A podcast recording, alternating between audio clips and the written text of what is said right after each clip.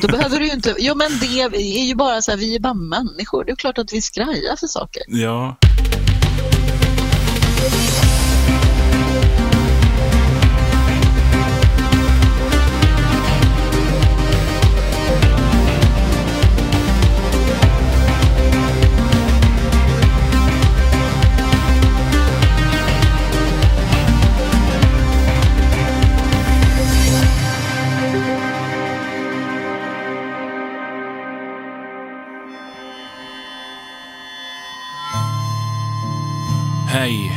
Och välkomna till Ismail Atarias podcast.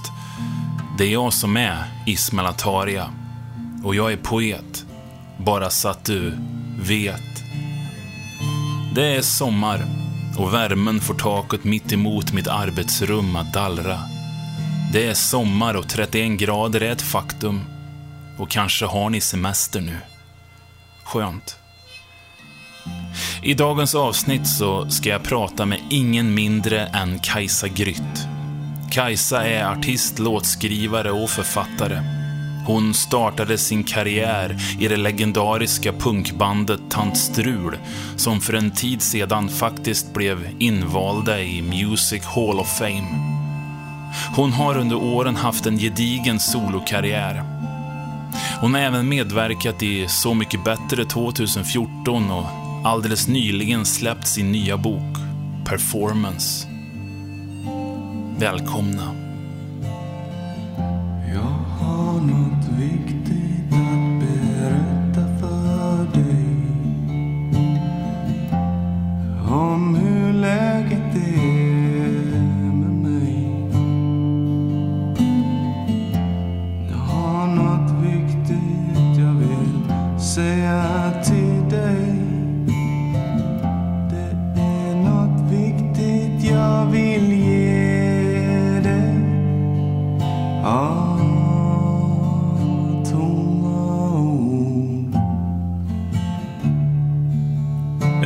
Ja, välkommen då Kajsa Grytt till, till min podcast. Tack så mycket. Ja, väldigt kul att du vill vara med, tycker jag. Ja, det är roligt att vara med. Ja. Hur, hur, hur är läget? Det är bra. Jag, jag, jag, jag är liksom som stadsperson. Jag sitter i mitt fönster. Eh, Jag, här, jag bor fem trappor upp och sen så på, en, på ett berg. Så att jag ser liksom hela södra förorterna. Men sen så varje sommar så när jag öppnar fönstret och börjar sitta, jag har ingen balkong, så sitter jag först innanför på det här eh, fönsternischen och sen så tar jag mig längre och längre ut. Nu sitter jag och dinglar med fötterna utanför fönstret. Det låter- Det, det är lite, lite risky men det är väldigt, det är väldigt härligt. Ja, det låter ju väldigt härligt. Jag sitter inne i, i, i, i mitt arbetsrum i min lägenhet i, i Falun och det är så instängt och inklämt och, för att försöka få bästa ljudet liksom. Ja, men det kanske är dåligt ljud men det, jag tänker att det är... Jag vet inte, har du dåligt ljud eller?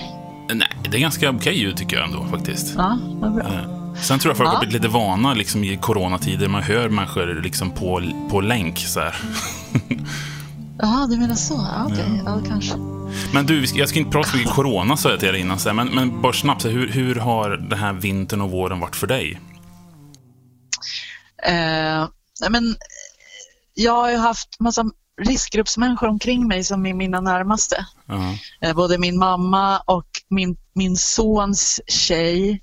Så han har varit, måste vara försiktig och min allra bästa vän har gjort, eh, håller på med en eh, behandling och, och eh, så här, operationer och så. Ja. Så, hon, så hon är riskgrupp. Så att jag måste liksom vara försiktig. Väl, ja, jag har känt mig att jag måste vara försiktig för att jag överhuvudtaget ska... Jag kan inte hänga med dem jättenära men, men eh, jag vill eh, ju träffa dem. Så jag, jag har varit väldigt mycket själv. Alltså så här, jag har ett arbete, extra arbete med, med eh, ungdomar med psykisk ohälsa eftersom jag är terapeut. Mm. Eh, och då så cyk- det är ute i Farsta strand. Så då så cyklar jag dit ut, har jag cyklat dit ut. Mm. Eh, och det var ju väldigt härligt, fått upp kondisen på det. Liksom. Eh, och sen så, men sen så går jag i skolan och lär mig. Men det sjuka är att jag hade ju spelningar här både Mm. på hösten och på våren, eller på sommaren, eller vad säger jag, våren och Nej. sommaren. Mm. Och då, som ställdes in. Och eh, så att jag har liksom inte spelat någonting och fan, faktiskt inte, nästan inte tagit gitarren. Det är superkonstigt. Jag har bara hållit på och lärt mig, hållit på med mina, jag går på en utbildning och lär mig skriva film och tv-manus. Och jag blir så besatt av sakerna, eller jag blir så indragen i mitt arbete, vilket är väldigt härligt. Ja. Jag blir ju liksom uppslukad. Så att jag har varit, eh, hållit på med det och varit i mina olika världar. Jag håller på med en tv-serie och en långfilm. Eh, så, och en kortfilm också. Så de, de har jag liksom slukats upp av i, i de universerna. Så, så det är på ett sätt kan jag känna så här, det är farligt för en enstöring Mm. att få vara enstöring. För jag är en enstöring, men jag har ett jättestort socialt liv omkring mig. Men Ja. om jag får vara enstöring och inte liksom måste gå ut och, så här, och jag kan säga att nej, jag vill inte gå ut på en bar och träffa dig för att jag vill inte vara på en bar. Nej. Då, då slipper jag det nu. Ja.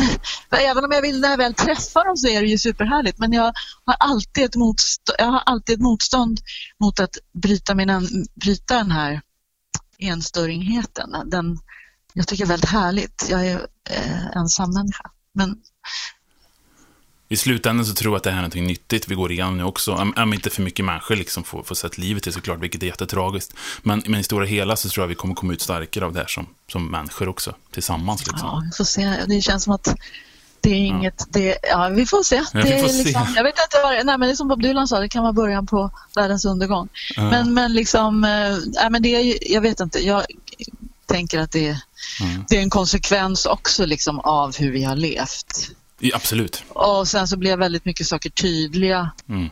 Eh, tydliga liksom ekonom, alltså det, läskiga grejer tycker jag har blivit tydliga också i det. Så här, hur vi, ja, men hur, vad man har prioriterat och hur, hur man ser på gamla och så här, det är mycket liksom. Men jag vet inte, hoppas att vi tar konsekvenser men så säkert är ju inte det.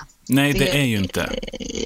Det är ju också så här, vi i Sverige har ju, det var någon, jag hörde på en podd, eh, jag hörde på en podd idag Mm. om några som har levt, som har levt utomlands, som har levt i USA, Ja, som bor i USA och som kommer hem då på semestern. ja. En av dem kommer hem på semestern. Och liksom det är helt underbart att komma hit hem för att här känns det som att vi har liksom inte varit med om det här. Där de är, är det liksom en stor livsomvälvande stor händelse. Men i Sverige så har man liksom låtsats som att det inte händer. Lite grann. Liksom. Det, jag, menar, du vet, jag bor ju vid Medborgarplatsen. Det är Mm. sjukt. Folk har ju suttit, folk har suttit där sedan dag ett. Och inte fan är det två meter mellan dem. Nej, Alltså, det är ju inte. Och nu är det liksom folk i tant och, Ja. och någonstans är det som att Sverige just har låtsats som att, eller har liksom eh, har varit i det som att det inte riktigt händer. ja, precis. Det kanske är så vad vi Vi har ska... ju inte alls så stora konsekvenser som Nej, för de som inte blir sjuka. Sen blir jättemånga människor Mm. jättesjuka och sjukvården går på knäna och de bara vädjar till oss att för fan skärp er. Liksom. Men vi, eh, vi har fått tillåtelse av våran att, att bara så här, eh, fortsätta som vanligt. Så, så jag vet inte. Det, ja, det, det, och jag har, har inte ställning med det. Jag, först så tyckte jag gud vad häftigt att Sverige är så himla bold ja. och bara gör på sitt sätt trots hela världen gör på ett helt annat sätt. Nu vet jag inte riktigt. Nej, också så lite grann. Jag, jag bara är någon slags... Vi, vi, vi, liksom, vi får ta det här sen liksom och se hur det var liksom. Vi, vi kan inte Ja, veta. det, jag vet inte riktigt det. Och det kan också vara så att, liksom, att vi offrade massa människor för att få ha kvar vår eh, för, för eh, liksom, ekonomin. Jag vet Ja, inte. det är en Eh, otäck tanke, tycker jag. Ja, det är en otäck tanke. Men det är liksom... Och sen det var en annan podd som jag lyssnade på där man pratade om hur vi är, alltså vi, att vi, det här teknokratiska i Sverige, att det, liksom, det är resten av resten av Alva och Gunnar Myrdals liksom, eh, planering, så här, samhällsplanering och att vi, att vi, eh, att vi liksom går med, ja, vi, ja, ja, att, att liksom när samhället säger så här, så här kan vi göra, så går vi liksom med på det. Men, men det var inte så konstigt också eftersom det också, vi såg ju att alla andra har det för helvete, de måste stänga in sig i sina lägenheter, vi får gå omkring ute. Det är klart att vi kanske gjorde det till en sanning då eftersom vi fick ha det så jävla bra. Jag vet inte, det är intressant. Jag, jag tycker det är spännande men det känns inte som att jag har någon sanning om någonting.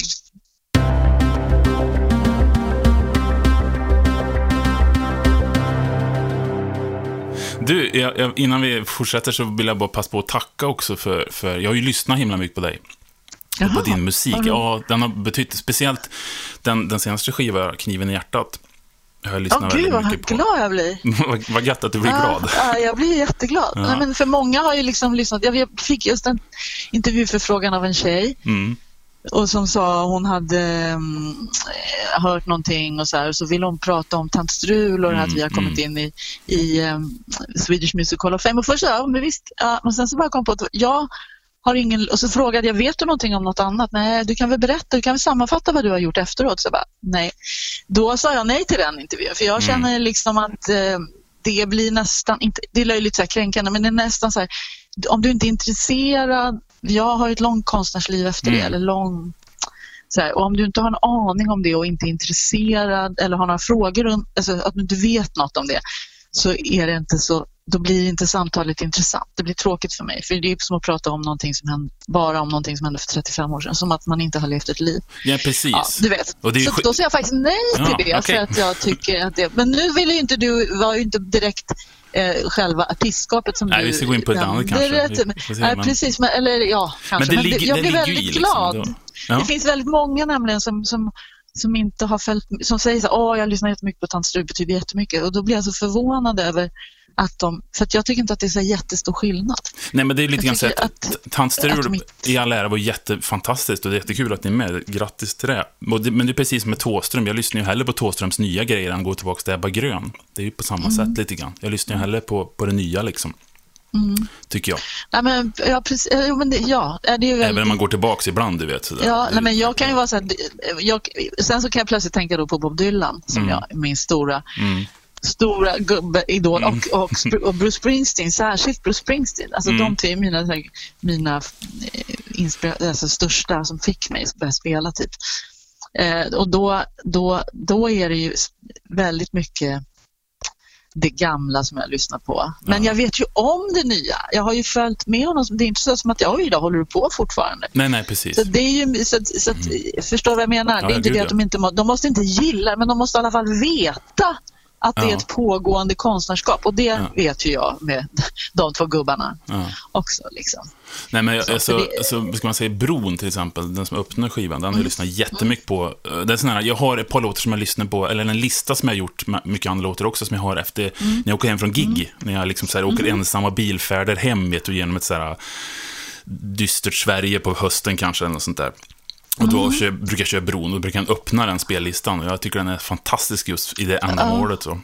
Åh, vad fint. Ja, men den, den är jävla speciell alltså, Ja. faktiskt. Jag, jag, jag brukar se, Den- ett- jag ser det lite grann som sån här, eh, Du får, tänker på- gärna, du får gärna berätta vad du, hur du Ja, förlåt. liksom... eh, Ja, nej, men jag vill gärna höra vad du hör. Nej, men grej, det är så, den, den liksom... eh, Ja, vad du hör för berättelse, vad du hör, vad du, vad du, hur den snackar till dig. Liksom. Vad du fäster in i. Jag, jag, jag tänker på en som, som en goth-version av Sara. Och, heter han? Är det Marcus Scocco som har gjort den?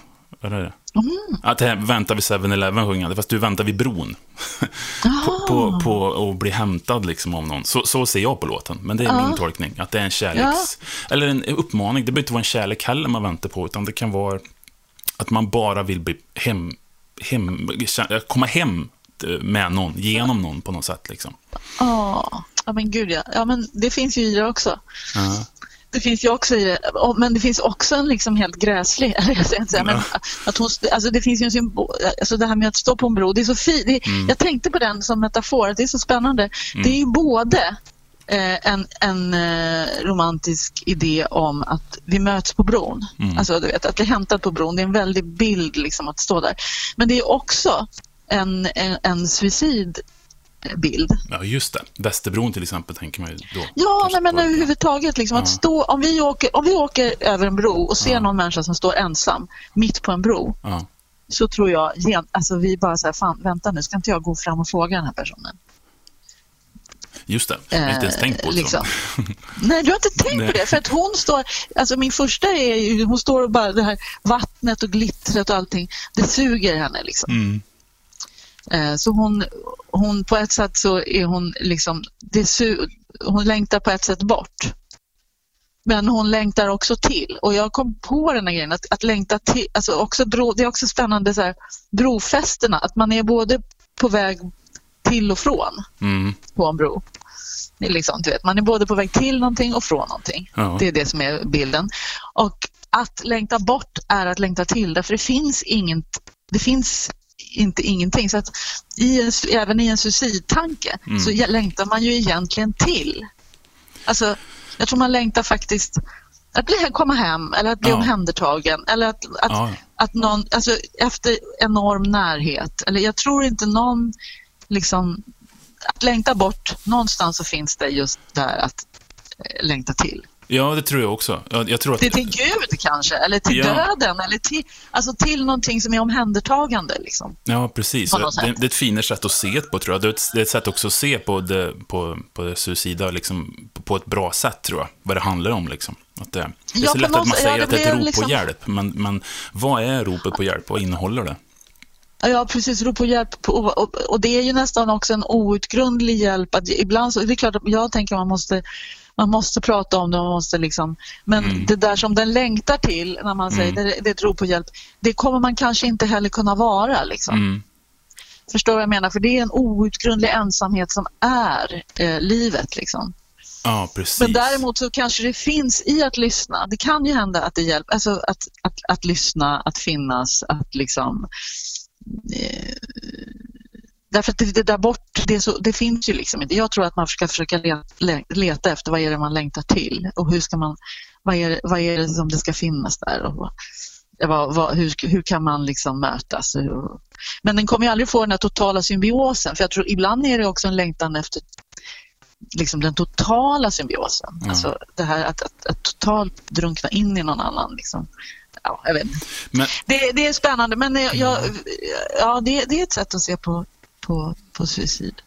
ja, Nej, men ibland är det rop på hjälp, ibland är det inte en vilja att dö. nej. Det är ofta inte en vilja att dö utan att det, det är en vilja, rop på hjälp, men att det går snett. Ja. Eh, Men ibland är det ju liksom faktiskt att så här, jag är bara till besvär. Jag orkar inte med den här smärtan längre. Jag, jag klarar inte av den här smärtan. Det finns ingen, ingenting här i världen som kan hjälpa mig att ta bort den.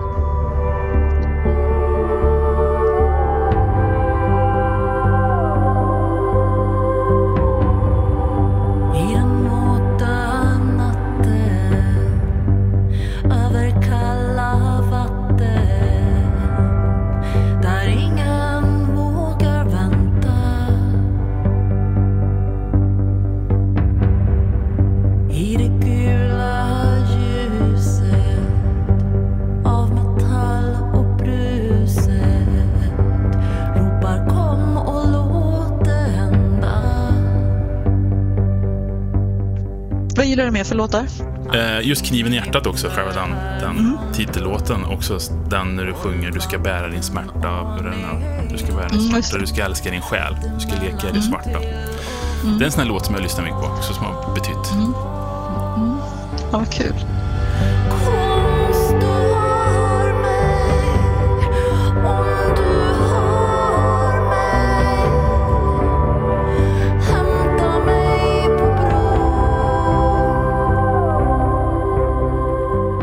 Jag brukar säga så här att din musik, jag tycker din musik är lite grann som, som på samma sätt som jag lyssnar på Joy Division. Joy Division kan jag lyssna på i korta doser för att det, jag, det får mig att känna så mycket på något sätt. Förstår du hur jag menar då? På, på, Ja, ja, på, på, ett bra sätt liksom. Och det- Härligt att bli jämförd med Joy Division. Ja. Det är fantastiskt. Ja, men det mina kräver- favorit. Ja, vad bra. Det kräver liksom av mig att jag kommer dit med mig själv på något sätt också. Det går inte bara att slölyssna så här liksom. Det går väl att göra också på vissa, men alltså, du förstår vad jag menar. Det krävs Ja, att jag är gud, ja. där för att lyssna liksom.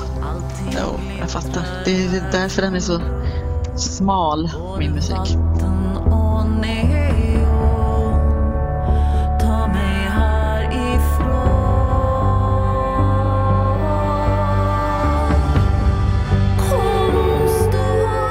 Känner du att, att, att, för du jobbar ju också som terapeut. Känner du att det har inspirerat det här också liksom, och gett dig en annan blick in på ditt eget skapande också? Att man inte har ett yrke som bara handlar om kreativitet på det sättet? Ja, gud. Ja, jo, ja, absolut. Jag är väldigt glad för det. Ibland jag, fan, att, det kunde man ju tycka var pinsamt i början av det här när man skulle vara tvungen att börja jobba också. men eh, nej, alltså det är ju material för mig är det jätte... Alltså jag hade inte klarat, jag tror inte att jag hade klarat att bara eh, faktiskt kom på det. Det var i och med att jag började terapi också som jag liksom Nej, men det har varit mina villkor. Jag har liksom inte varit beroende av branschen och beroende av, beroende av att människor ska... Jag behöver inte spela i köpcentrum, jag behöver, jag behöver inte säga ja till alla spelningar jag får. Jag måste inte ha en jättestor publik, jag måste inte... Och det är mitt förhållningssätt och sen dessutom Mm. har jag fått en massa, en massa input. Eller alltså jag har inte bara jobbat som terapeut, jag jobbade ju med reklam också. Då kanske inte det inspirerade mig konstnärligt direkt men men eh, det lärde mig någonting om världen, liksom, om, om affärsvärlden och sådär. Eh, så det, det lärde mig någonting politiskt, tror jag, Mm. liksom att jag jobbade med det där. Men, men eh, ja, nej, men jag har behövt det. Jag hade inte klarat att bara att, att liksom villkoras av publiken Nej. hela tiden. Att mitt Nej. liv och min överlevnad, min mat, min, Mm. min, eh, särskilt då när jag fick barn och sådär. Att, att liksom, det hade varit för skört. Och det- Jag, aldrig. Jag, jag, hade inte, om, jag hade inte överlevt det. Nej, och Och så det, hade det blivit då- dåligt. Det jag hade gjort hade nog inte blivit bra. nej, men så är det för mig med. Det är ju liksom, Så det hade inte gått. Jag hade inte kunnat leva på det så. För jag är inte en sån bred artist. Så det, är liksom, det, det finns liksom inte. Jag är inte en sån bred artist. Men det var ju som för mig, liksom, jag började med workshops för många, många år sedan. Och kände det som ett nederlag, liksom, att jag ska bara vara poeten som läser dikter på scen. Och så, och så var bara workshopsen lite grann som slags, ja, men jag kan göra det som brödföda då. Men nu har det ju växt och blivit precis lika jävla roligt. På grund av att jag blir ganska oviktig, utan det blir viktiga hantverket man får prata om och, och se elevernas texter som växer fram. Och, och just det här att jag brukar säga att jag, jag, jag eh, jag lär dem inte skriva egentligen, egentligen ser jag ut för att bygga självkänsla. Att deras ord får finnas till liksom för en stund i klassrummet så. Och jag menar, vad fan, det är ju en otrolig grej att få göra, kan jag känna idag. Gud, ja. Samtidigt som det ger möjlighet att kunna leva också på det. Och att du, att du inte är villkor, att, att du liksom inte måste leta efter eh, publiken, du kan leta efter någonting som du, du känner är eh, liksom, vad det nu är, sant eller utmanande eller vad fan. Men det är väl, Men, men, men, jag tänker liksom att eh, när jag jobbade, just nu är jag inte så med Nej. mitt brödföda, men nej. men eh, just nu är jag så jävla uppslukad av det här. eh, Så att nu är, nu, är, nu är jag där några dagar i veckan. Och, och eftersom jag jobbar ganska lite så kommer jag inte in med de här ungarna så. Jag känner inte att jag, jag, min närvaro är inte lika viktig. Alltså, förstår du? Jag, jobb, jag förstår. jobbar så pass sällan så att min, de som gör det rikt, riktiga jobbet med dem är de som är där eh, dag ut och dag in. Liksom. Eh, så det, därför, men, men när jag han jobbade mer, när jag jobbade på behandlingshem och när jag jobbat mer, då kan jag säga eh, att, och när jag hade egna klient, alltså, terapiklienter Mm. på jobbet, det har jag inte Mm. nu, utan nu, nu är jag där som, nu är jag på golvet. Liksom. Men, men när jag hade, då, då var det så här, jag var 100 procent. Jag var både 100 procent terapeut eller behandlare på, på, där på stället och 100 procent artist. Liksom. Mm. Alltså det var väldigt konstigt, men det kändes verkligen så. Inte 50-50, utan 100 på båda. Ja, jag förstår. Alltså, Och det är väl så som du känner nu när du i ditt... ja, och det är ju väldigt fint. Det är inte så man vill vara som människa överhuvudtaget. Man vill vara hund. Man vill inte, vi är så inställt på det här 50-50 och då tänker vi liksom att nu ska jag lägga halva min kraft där. Nej, Nej. du ska lägga, du Nej. kanske gör någonting också på sidan. Men jag är ju, hela mitt väsen är ju den kraften då på något sätt. visst. Men när jag väl är där så i och för sig, jag lägger ju hela mig. Men, men Ja. just det där liksom, jag, jag, jag, ehm, jo- jobbar ju liksom, av nå- fattar inte hur jag har råd med det, men för att jag lever asbilligt men jag jobbar faktiskt mindre eh, just nu och eh, då blir det liksom, ja, det är lite, det, då är det också lite tråkigare att jobba. Mm. Eh, när man inte får liksom, så det finns ju ett värde i att jobba mer om man väl ska jobba så att man, att man verkligen jobbar på riktigt, att man verkligen är där och ger med hela sig och gör ett riktigt eh, ordentligt jobb. Liksom. Anknytning och, och terapeutiskt och hela det, speciellt när man jobbar med människor. Och så. så det kan jag väl känna, om det ska vara någonting med negativt så, så är ju det liksom lite negativt. Det är härligare när man har när man är all in på jobbet också.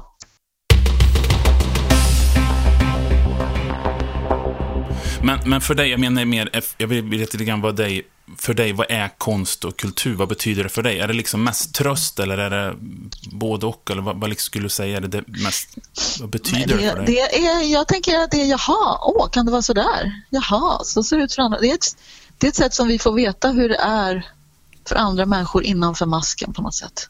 Ja. Det, och det, ja, för mig är det eh, super, ja verkligen, att liksom Jaha, tänker att det kan vara så där och kan det vara så där. Och sen är det underhållning. Alltså, Mm. det är härligt att öppna eh, liksom en ny fantasi i huvudet om eh, nya bilder, nya vyer, nya sätt att se på saker. Nya, ny, det är en nyfikenhet. Liksom. Hur kan, jaha, kan man... För mig så fyller det ett, mitt nyfikenhetsbehov Ja. jättemycket. För när vi pratar... tröst, jag kan ju musik vara tröst också. Men, Ja, liksom, det, där är ju bara musik är ju något jävla underbart. Det är bara så här, det bara känns i kroppen när man, när man tycker om det. Liksom. Ja. Det är nästan som att bli kär och höra bra musik. Precis, jag har alltid varit väldigt, som poet så har jag alltid varit lite avundsjuk på musik. När jag, jag jobbar ju mest med böcker och så läser jag spoken word och så. Mm. så. Och jag jobbar ju även en del med musik. Just därför så försöker jag liksom smuggla in mitt eget konstnärskap i musiken och gör skivor där jag läser dikter till musik och sådär. För att jag älskar musiken så. Jag har alltid varit avundsjuk på att Har du aldrig försökt göra musik då? Jo, absolut. Jag har gjort en skiva som ligger ut, som kom samtidigt som en bok, med som en liten promotion-grej. Sådär. Eh, eh, så, så, att, så att det går, men, men jag känns hela tiden som att jag liksom är... Du får Ja, inte ihop dem nej, får- till ett liksom. Nej, precis. Jag prövar, prövar, ska, jag, ska, jag pröva, ska jag på sjunga, ska jag ta steget ut och så känns det, men nej, poesi Ja. är min. Jag vill läsa poesi, till, det är min Ja, grej. förstår. Liksom, så här. Ja, förstår. Det är, en Men- helt annan, det är ju en helt annan, jag tycker att det är en helt annan textform. Ja, Eh, verkligen. verkligen. Jag tycker verkligen det. det. Det som ska sjungas, det är tillsammans med de tonerna som det sjungs med och med den rösten som det sjungs med. Det är, liksom, ja, men det är något fantastiskt. Jag, just nu är jag ju trött på det, eller Mm, liksom just nu så har jag ingen, har jag just nu har jag ingen musik i mig, men det, kan, det kommer säkert komma. Men, men eh, hela den konstformen, liksom, som att man, eh, det är ett, jag äger det, så här, jag sitter med gitarren, jag sjunger, jag, och, och det är ett liksom nu. Varje gång man gör låten också är ett, ett nytt nu. Mm. Alltså ny, det är verket. Liksom, själva eh, den gången. Sen när man gör den igen, sjunger den igen nästa dag så är den igen Ja, precis. ett Fast nytt verk. Liksom. på ett och nytt sen sätt, att man, okej. Ja, jo, Mm. ja det, det tror jag. Det finns Ja. någonting litet nytt. För det är också liksom, man har också med sig vad den här personens, eh, alltså jag som sjunger det, mitt, d- mina händelser för dagen, förstår du? Det, det Mm. liksom blandas ju, mitt uttryck. Och det har jag inte helt kontroll över naturligtvis. Och hur rösten låter. Och sen det här att man i, och sen i, på scenen så är det ett jäkla nu därför att då är ju publiken medskapare. Mm. Jag upplever att jag sjunger liksom mycket bättre på ett helt annat sätt när jag står eh, framför en publik än när jag sitter själv. Mm. Så då förstår jag vad jag menar. Då Mm. kommer deras, den energin som de har i sin koncentration på mig eh, går genom mig liksom också. Mm. Så det är sånt jävla häftigt nu i, det, i den eh, scen, ja. mu- konstformen. Ja, Liksom. och likaså att, att på scen tycker jag man har täckning för ett helt annat form av uttryck. Och det vet jag själv, det är inte riktigt samma sak, men när jag läser in mina dikter till exempel, så kan jag inte ha samma uttryck som jag har på scen, för då blir det överspel på skiva. Så man måste tänka liksom i två olika... Ja, just det. Den Visst, täckningen. Nej, det finns inte. Liksom så. Och, och det är ju Nej, spännande, nej, tycker jag, att, att scenen... Så att när man möjliggör- spelar in det, exakt, för när du spelar in en livekonsert, för mig är det så här, det låter här jävligt. Nej men liksom, det, lå- det är inte, det är liksom inte, men för dem, jag vet att för de som står där och för mig och för det så är det, jag våg, vå- det är liksom någonting i det där att våga släppa på tillsammans med en publik. Mm. Ja men det måste ju du också, precis, det måste ju vara så för dig också när du läser. Liksom. Mm. Där har du ju det där nuet som är liksom är så jävla... Ja. Nej, men om du jämför med teater, de snackar ju också om det, är ju också ett nu. Ja. Men publiken är inte lika delaktig. De är inte, de, i, I vårat, som du och jag gör, där har vi applåderna och skriker längs med. Vi har dem, Mm. får låta, de får sjunga med. De är så delaktiga. De sitter inte i en tyst salong och ska inte störa och tittar på någonting utan de är så jävla delaktiga. Precis, liksom. man vill ha delaktigheten. Men har du känt det här någon gång, den här fruktansvärda känslan, när man, för man blir ju så medveten om livet när det är som bäst live alltså. Man känner med publiken, man, man skapar någonting som är större än både mig och publiken, vi skapar någonting tillsammans liksom. Men ibland när den här medvetenheten kommer in på scen, jag blir medveten om vad jag gör, vem jag är, och nu står jag här och håller på med det, och så tappar man det här flödet, och det är så Gud, fruktansvärt, tycker jag, den känslan. Så var det, så var det liksom oftare för mig, ofta för mig när jag var yngre. Ja. Eh, då var det mer så. Nu har jag faktiskt inte upplevt det. Var senaste, senaste gången som jag upplevde det, eh, det var massa år sedan, kan det vara tio år sedan när jag spelade på Fotografiska och det filmades faktiskt. Det är med i den här, den här, eh, den här eh, dokumentären om mig. ja, just det, just det, den ja. Mm. Och då, jag sa ju det där efteråt, alltså det var så sjukt därför att då var det en bar på varje sida om scenen. Mm. eh, liksom scenen och så en bar på varje sida som löst där folk stod och köpte saker. Och sen stod det folk framför. Och de där som stod där, de blev ju distraherade. Det var ju liksom mer typ ljus från de här barerna. Mm. Och jag tänkte inte på det när jag stod där. Hade jag vetat det när jag stod där så hade jag inte tagit på mig det så mycket själv. Men Nej. det, som, det kändes ju för mig att vänta nu, det är, vad fan, vart tar energin vägen liksom? Mm. Ja, gud, jag får Va, svett fy svett fan när du pratar. var. Ja, så jävla jobbigt. Eh, men men nu, va, annars vad jag känner nu sista, senaste kanske 20 åren till och med, Mm. eh, att jag eh, vet hur jag ska ta mig till det där läget. Mm. Att det, inte, det, är, det är jag som ska skapa det för publiken. Att inte jag väntar. Förstår du? Förr kunde Nej, det verkligen vara så att "Åh, hjälp, och jag tänker, och, och de gillar inte mig och, och, och de är tysta och, de Mm. är liksom, och det blir skamfint. Det blir, det blir någonting skam i hela rummet. Exakt, det var det jag tänkte Som också på. publiken känner. Liksom. Mm. Publiken känner det så jävla väl. Ah, gud, det kunde verkligen. Jag tyckte det hände, eh, inte ofta, men det, mycket. Just där, liksom, så fort jag känner lite skam, de känner det direkt. Och de, du vet, Den där skammen. nu, ah, fy fan, alltså kom jag på, när jag kom på grejen med skammen, alltså bit hu- att bita huvudet av skam, Mm. hur man handskas med skam. Liksom, att det finns, eh, finns liksom, eller kom på, jag läste om det, det tror jag när jag pluggade faktiskt. Mm. Så Okej, eh, du kan bryta det här. Alltså, det finns ju typ fyra sätt att handskas med skam. Ja, berätta Vill du gärna. höra dem? Ja, Vill du höra dem? Gärna, gärna. Ja.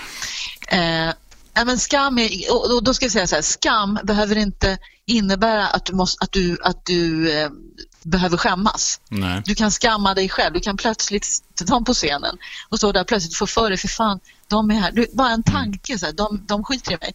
Och då blir det liksom, då, då, du kan skamma dig själv. Liksom. Du skapar in, eller fan vad ful jag. Eller du vet, avbruten positiva. Du är jätteglad och jättestolt och så plötsligt du någonting som säger, vem fan tror du att du är? Och då fylls jag av skam. Och om vi går med den, liksom, då finns det så här, okej, den skam, skammen som är som en jävla vätska i kroppen.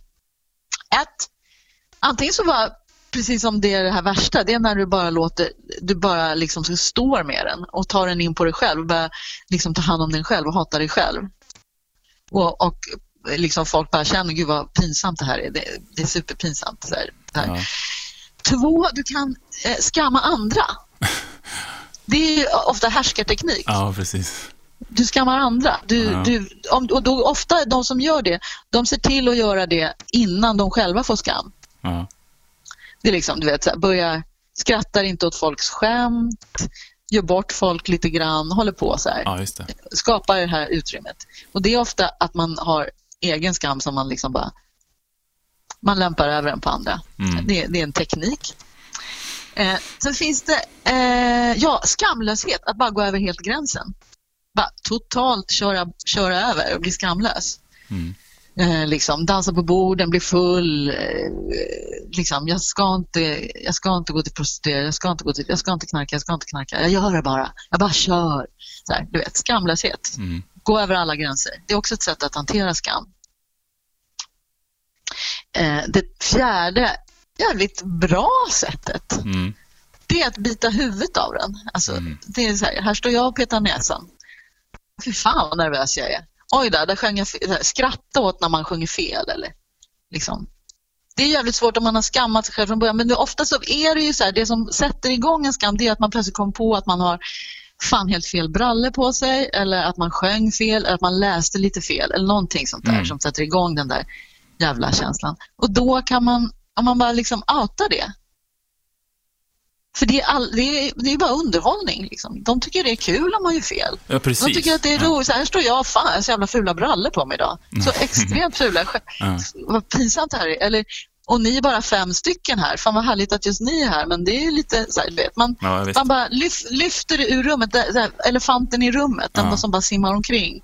Att man bara så här, sätter ögonen på den så kan vi skratta ihop åt den. Ja, och det är många som har, så här, ibland säger att ja, men då ursäktar man sig. då. Man ska aldrig ursäkta sig. Ja, men det, jag, jag, Nej, tvärtom, det är underhållning. Ja. Alltså det, det, den, du vet, den som säger så, den är ju så jävla självsäker. Den kan ju till och med ha fula brallor på sig på Ja. scen och äga.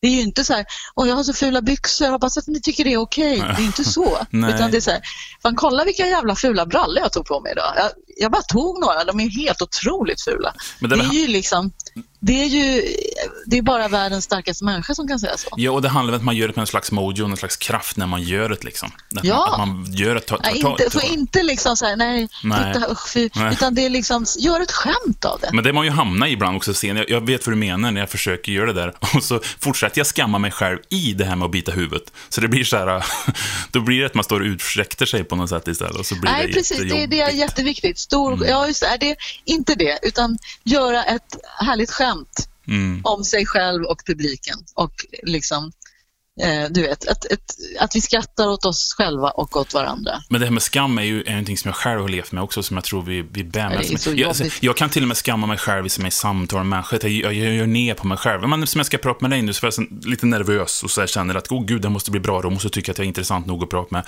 Och så är jag där direkt och lägger liksom krokben då för, för samtalet man kan få ha, om man bara är i sin människa på något sätt. Ja.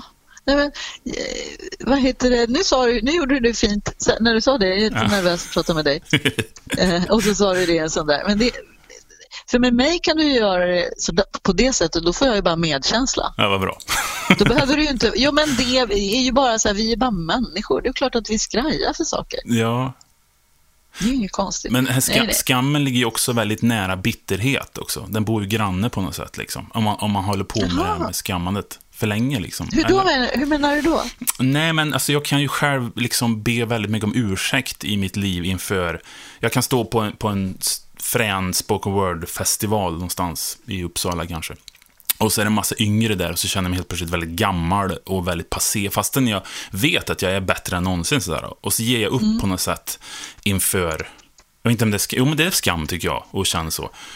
Ja, men det är nog att inte våga... Ja, just, jo, men det är ju... Jo, det kanske också är ett sätt att hantera skam på. Att, ja, men, att bara så här... Eh, att inte ta... Men då tar du den in på dig själv. Mm.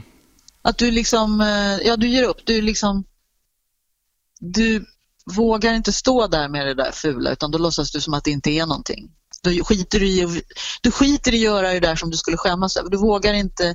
Du är rädd för att bli skamlös, så att du liksom backar lite. Är det så? Ja, exakt. Man backar och man Du- visar inte hela sin potential. Man tar inte sin plats. Och sen kommer det upp Nej. kanske någon som är en kompis och gör sitt, sitt upp sitt sätt liksom. Och så kör fullt ut med sin kraft. Och så känner man sig fan också, så där skulle jag ha gjort. Jag skulle bara sket i allt och bara kört. och så sitter man där med den Fast skammen. kan man det? Ja, ja, i och för sig. Jag vet inte. Men om du hade gjort det, det, det var ju du, du blev blyg, du blev sårbar, du kunde inte köra med hela din... För att vad den gjorde som körde med hela det är att den blev skamlös. Ja, Men inte är bra då, då? Eller? Ja, men du måste ju vara du. Jag menar, alltså, du måste ju vara du. Mm. Du måste ju vara du och det är inte säkert att den där sårbarheten bara är... va- Varför? Det kanske är en grej, det kanske är lite så här tabu. Ja, men du kan ju också göra det till din... Alltså, det är ju tabu då kanske för snubbar att, att liksom... Att, att vara sårbara på scener, utan man ska vara så här Nej, nej, gud nej, och absolut inte. Nej, det vill jag säga att jag, jag, jag brukar göra mycket som du gör också, alltså just den grejen. Jag, jag tycker tvärtom att det, det är min uppgift som, Att, som performer att visa skammen, eller visa bräckligheten liksom. Och visa, Vå- liksom, ja, alltså jag tänker det. Precis, men då tänker du att ja, men de där som bara kör på, det är så där det ska vara. Liksom. Ja, just då tänker göra. jag så, just jag har inte visat min potential. Men liksom, din potential kanske är... Eh, så, alltså, sårbarheten. Det finns ju inte någon potential. Alltså, och, ja, men jag vet inte. Jag, Mm. jag, jag är inte helt... Ja, men jag bara tänker, nu kom Mm. dök det upp en grej här Ja, för mig. ja. Ja, men jag tänker dunka som våran grej med att vi höll på att skriva så här sexiga låtar. Ja. Eller jag skrev Dunka varmt Ja. och Slicka mig ren och sånt där. När jag var eh, ung. Då var det ju så här att vi, och det, folk kommer ihåg det där jättemycket. Mm. Men då när jag sjöng det så stod ju inte jag och sjöng det med hela... Jag hade kanske skrivit dem som att ja, här ska jag liksom våga. Mm. Men jag blev ju blyg varenda gång. Det var sårbart för mig att sjunga de där jävla låtarna. Ja. Att stå och sjunga dunka, alltså, sjunga om sex och ja. sjunga om slicka mig ren och liksom inför en massa folk. Men jag tror att det var ju sant. Alltså det var ju det som gjorde att de kändes riktiga. Därför att det är sårbart. ja, precis. Hade, exakt. hade jag liksom så här, jag ska visa hela min, som att jag skiter i det. Som Mm. att det då, för grejen är att det, var, det blev mer sexigt eller mer sensuellt tror jag att blygheten är där. För då är det på riktigt, om jag hade liksom skamlöst bara sjungit det där och sexat mig på scenen och hållit på. Det, då hade det varit som att jag eh, blev skamlös och inte närvarande i det jag sjöng. Jo, jag vet inte. Jag hade kanske blivit mycket större artist om jag hade varit liksom, wow, vräkig och på. Och så. Men så här ser mitt uttryck Jag tycker att det är spännande med mötet av det där som man skriver hemma i sitt rum när man är Mm. jätte eh, så man är själv och man vågar gå över en gräns Mm. liksom, eh, i sitt skrivande och berätta om sånt som inte som inte vågar sägas egentligen. Det är väl, eller som inte kan riktigt ha ord, vanliga Ja. ord i samtal utan då skriver man. Och sen så ska man stå med det framför en massa människor på scenen. Och det som händer med en i det. Om det bara var helt ofarligt och man bara, vi bara Mm. Då, då för mig det är helt ointressant. Alltså jag är inte intresserad av det. Jag är, intress- jag är intresserad av det där mötet av att det är den där sårbarheten. Liksom. Nej, men det är så jag känner också när jag lyssnar på dig och, och, och så. Så känner jag också, och när jag har sett dig så, så känner jag också att, att jag blir med i den känslan själv också. Eh, att, att jag tvingas ta ställning genom, genom ditt, ditt uttryck tycker jag jag tvingas ta ställning till min egen sårbarhet. Och det tycker jag är väldigt härligt. Och det är få Mm. Som får mig att känna så. Det här, det här när du säger att du jämför med de där andra som bara, de här yngre som bara vräker på. Och så. Mm. Ehm, jag tycker du ska hylla dig själv då. Mm. jag, tycker, för- men, men jag känner igen mig. Det är inte så. Jag känner ju så jävla väl igen mig. Gud vad jag man jämför dem med ba- ba- ba- de är si, de är så mycket bättre. Bla, bla, bla. Ja. Men, jag, men eh, jag tror man ska liksom... Jag tror det, vik, det viktiga, det felet du gör i det är, är den tanken du har när du tänker att du borde ha gjort så där istället. Mm. För istället så ska du, så tänker jag att eh, det här är ditt uttryck och du ska, det, vad vi ska göra liksom som konstnärer är ju att inte att försöka liksom stärka det som eh, att bli jävligt ja, de, de är ju så härliga liksom de där som är så här liksom helt självklara i så som de gör. Mm. Alltså även om det är helt... Alltså, det tycker jag är riktigt... Så här, kon, alltså, de, de konstnärer som liksom är så jävla... Så här, det här, som är så hela i precis det som är precis det som är dem. Och bara går på den linjen. Vad fan världen än säger. Liksom. När jag pratar med Kajsa så kommer jag att tänka på mod och det här med att hålla sina drömmar levande. Kanske ska livet handla om att sätta mig i båten och hissa min otillräcklighet. Tvinga ut mig själv på havet till varje pris. Våga känna saltstänket bita skinnet. Naket våga möta stormen. Kanske finns det ingen annan väg att gå. Kanske måste jag se min rädsla, se min egen ängsliga spegelbild, men inte stanna där, utan fortsätta rätt genom glaset. Kanske måste jag fortsätta att fortsätta, som om jag har en skyldighet till mig själv. Att göra mitt bästa och höja mina lansar mot ensamheten. Kanske måste jag fortsätta drömma mig en stege genom molnen. En passage rätt genom vardagen där all min kraft kan strömma. Den kraft som inte böjer sitt huvud för något.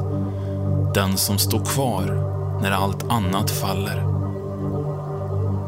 Det finns kanske inga alternativ än att fortsätta. Tänk om det är så att själva livet redan genomskådat mig. Bestämt sig för att göra mig gammal. Slita ut mig. Se vad jag går för. Om alla mina drömmar och visioner verkligen håller.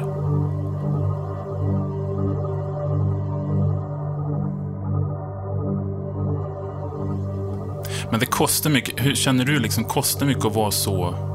För det krävs en form av hudlöshet för att våga vara i sin människa och våga vara i sin sårbarhet. Ja, gud, det kostar jättemycket. Det är det svåraste.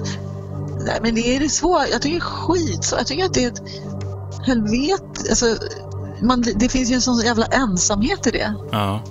Eh, för det är ju precis som vi, ja, men det här med att man liksom, när, när man blir ratad, för det Ja. blir man ju. Ja. Alltså det ju, går ju upp och ner. Jag har hållit på 40 år. Det går, ibland är man världens ballaste person, ibland är man bara liksom en föredetting som liksom är helt ointressant och ingen går... Alltså, Mm. och det är ju o, otroligt smärtsamt. Hur hittar du glöden till att orka fortsätta? Hur, hur hittar du? du glöden till att orka fortsätta liksom och skapa eh, i allt det där? Men det tror jag är den där ensamheten. Att Mm. det är själv mot världen på något sätt. Mm. Att det inte finns så mycket annat alternativ. Ja, men då kan man ju hålla på ett tag och tro att man ska försöka med något annat. Men nu har jag, alltså det, de, det har jag, finns ju skivor, eller så här, du vet man, till exempel min första soloskiva. Mm. När jag skulle vara så jävla solig och glad och självständig och dansa på stranden och, och liksom, det skulle vara liksom och det är så här, ja, men det, det kommer alltid in och knökigt i det. Jag kommer aldrig bli en sån. Det kommer in och knökigt i det och då blir det bara för ljuget. Liksom. Att, ja, men förstår jag menar? Det, Ja, absolut. det, det, det, här, det, det går inte. Det är bara den här vägen man får ta. Att du är en Det av... finns ingen annan väg. Nej, men det finns ingen Nej. annan väg. Därför då, då har jag ju lämnat, det är den enda vägen som kan bli bra. Jag kan inte, jag kan inte, man förstår ju, här, det går inte att, att lämna och försöka göra något annat. Det vet vi ju med alla de konstnärer som vi, som vi tycker om och beundrar. Liksom vi, eller det, de grejer som folk gör som är bra. Mm. Det finns ju ingen som har så här, nu ska, här, nu ska jag vara någon annan än utan det är ju bara det helt egna som bara går sin egen väg. Det är ju det som man... Så att det, det, finns ju inte det andra. Det finns ju inte något. Det, det är bara att köra på. Ja. Och sen så kan det vara så här, men jag ska sluta. Det är ingen som bryr sig om du slutar. Här, förstår du? Ja, det det- har jag också hållit på med. Så här, nej, jag ska lägga av med det här. Så, och då så finns det någon så här som alla kommer bli jätte... Alltså, om inte ni gör, men skit jag väl i det här. Jag tänker, jag gör en annan. Så bara, ja, och det är ingen som bryr sig om du gör det. Eh, faktiskt. Eh, och då kommer du bara ha skittråkigt i ditt liv. ja, precis. Eh, och ingen bryr sig. Det är inte så att folk kommer tigga dig om att fortsätta. Nej. Utan då, jaha, vill, här, vad- vill, eller hur? Och då kommer man till, vad vill man? alltså, det, är, det här är det enda som man kan. Det här Ja. är det enda jag vill. Det här är det enda jag gör. Och då finns det ju inte något alternativ helt enkelt. Det är inte att hitta glöden utan det är bara så här, det finns inget alternativ. Nej, nej, det kanske är så, så det är. Det är ganska så här... För mig i alla fall. Jag Ja, menar, det är inte samma sak för alla, men det är så för mig. Alltså jag, och, och, då, och det är någonting som jag då är oerhört stolt över. För jag känner här, att jag har gett mitt liv Mm, till det här. Och eh, vi får se. Jag är också, eh, jag, det här nu kommer grandiosa. Ja. Den här grandiosa jäveln. Att liksom, jag tror inte att man i nutid vet vad som är eh, det bästa. Utan det är tiden som visar. ja, du menar längre framåt, det här med att bli känd Mm. efter sin egen död och så. Antingen när man är död eller när man är liksom, och det har, jag, det har varit min räddning genom hela mitt liv. Jag blev Ja, uppfostrad av, med van Gogh, Ja. med liksom tanken om van Gogh. Att liksom ingen bryr sig, men det, det kommer sen. Ja, precis. Och, och det kanske är lite Och så... storhet, storheten, liksom, den har ingen, ingen, jävel har, ingen jävel har en aning om vad som är stort egentligen. Nej, nej, precis. Utan eh, om man själv känner så här, jag vet att jag... Och, och det sjuka är med Tant Strul då, när vi Ja. höll på. Vi var ju inte så stora. Vi, eh, Music Hall of, alltså vi var inte stora när vi höll på. nej, jag Vi förstår. var inte stora. Det kom efteråt liksom. Men, men jag menar, så här, den grandiosen, ja nej, men vi var inte stora då. Det, det är ju liksom, det är väldigt kul. Här. Och jag gick om, men jag tänkte då så här, eh, vi, det finns ingen i världen som gör det vi gör. Det finns ingen, alltså fatta den här lilla tjejen som är 19-20 bast och bara, ingen i världen gör det här. Mm. Det finns inte ett band i, det finns Nej. inget tjejband eller band med brudar som spelar och det finns ingen kvinna som skriver låtar på det här sättet, på det här punk, punka, så här, sådana här typ av utlämnande och som har ett band. Alltså, det finns inte, vi är de enda. Jävlar vilken känsla det måste ha varit alltså. Vilken... Ja, men det var liksom så här, men det var ingen, men jag tänkte ju att jag var, att jag var grand, alltså du vet, vem fan, så, men, men, eh, men jag, jag, jag hade ju det självförtroendet. Mm. Även om inte vi hade, var så stora eller även om inte liksom, men jag hade ju inte gjort det om jag inte tyckte att vi är absolut, jag är en av de bästa i världen. Mm. Alltså i hemlighet i mig själv. Ja, men Eller liksom någonstans... här, de mest Ja. äkta konstnärerna i hela världen. Ja, men Och det- någonstans... och- och liksom-. Det kan jag tänka fortfarande i min... Ja, ja, jag tänkte säga det, för jag, jag kan tänka så ibland också, även om jag försöker vara, jag tror ju verkligen på ödmjukhet i, i det stora hela, liksom, att man ska vara. Men någonstans in, ja. in, inom, inom så måste man tänka så här, fan, någonstans måste man ha en litet bloss av att fan, jag är värd att lyssnas på, för det finns ingen som gör det här så som jag gör just det här. Nej. Och det är det som gör att man överhuvudtaget kan fortsätta, känner jag. För skulle jag tappa det sista, då är vi kört. Men vet du vad som också hjälper till då, eh, nu när man är äldre? Det är att det både är så, men att jag någonstans vet att ja, okej, så här känner jag det. Jag behöver känna så för att göra det här. Men det betyder ingenting i världen. Det betyder ingenting för världen. Det finns alla som håller på känner så. Ja, exakt, alla- exakt. Alla, som, alla, alla de som gör grejer eh, känner så. Men inte väldigt fint det- då, att det är så? Jo, det, det är där ödmjukheten kommer in. Liksom. Ja. Någonstans så tycker alla så. Så att, så att det kommer inga människor på mina spel, alltså du vet. så här, Ja. bla, bla, bla, bla. Men, men jag har i alla fall det här förhållandet till det Mm. och det måste liksom betyda, alltså jag måste göra det så bra jag kan. Eh, och så tycker jag att det är fan bland världens bästa Mm. eh, när det är klart. Men sen, det, alltså förstår vad jag menar? jag det, är väldigt, det är väldigt eh, komplext liksom. Ja, ja, men... Men det är någon slags verktyg och jag tror att det är så som man, för att det ska bli, för att det ska vara bra eh, och kanske då på något sätt visa sig vara bra i längden så, måste man, så, så, så är det bara all in som gäller. Det är bara all fucking in. Du ska bära din smärta Du ska älska din själ Du ska leka i det svarta Du ska dansa kroppen hel Du ser hans I det här avsnittet har ni hört låtarna Bron och Kniven i hjärtat av Kajsa Grytt. Hennes platta Kniven i hjärtat finns ute att lyssna på. Så ut och lyssna. Bara gör det. Den är fantastisk. I programmet har ni även hört musik av Christian Dyresjö och jag läste min text över musik av Chameleon. Jag kommer under sommaren att ta lite semester och vara pappa. Men jag kommer att släppa avsnitt, men lite mer sporadiskt. Jag hoppas att ni fortsätter hänga med och lyssna. Det betyder mycket för mig. I höst återkommer jag förhoppningsvis till samma rutin. Ett program varannan vecka. Men i alla fall, ta hand om er. Ta hand om varandra och håll drömmarna levande. Det är det finaste vi har.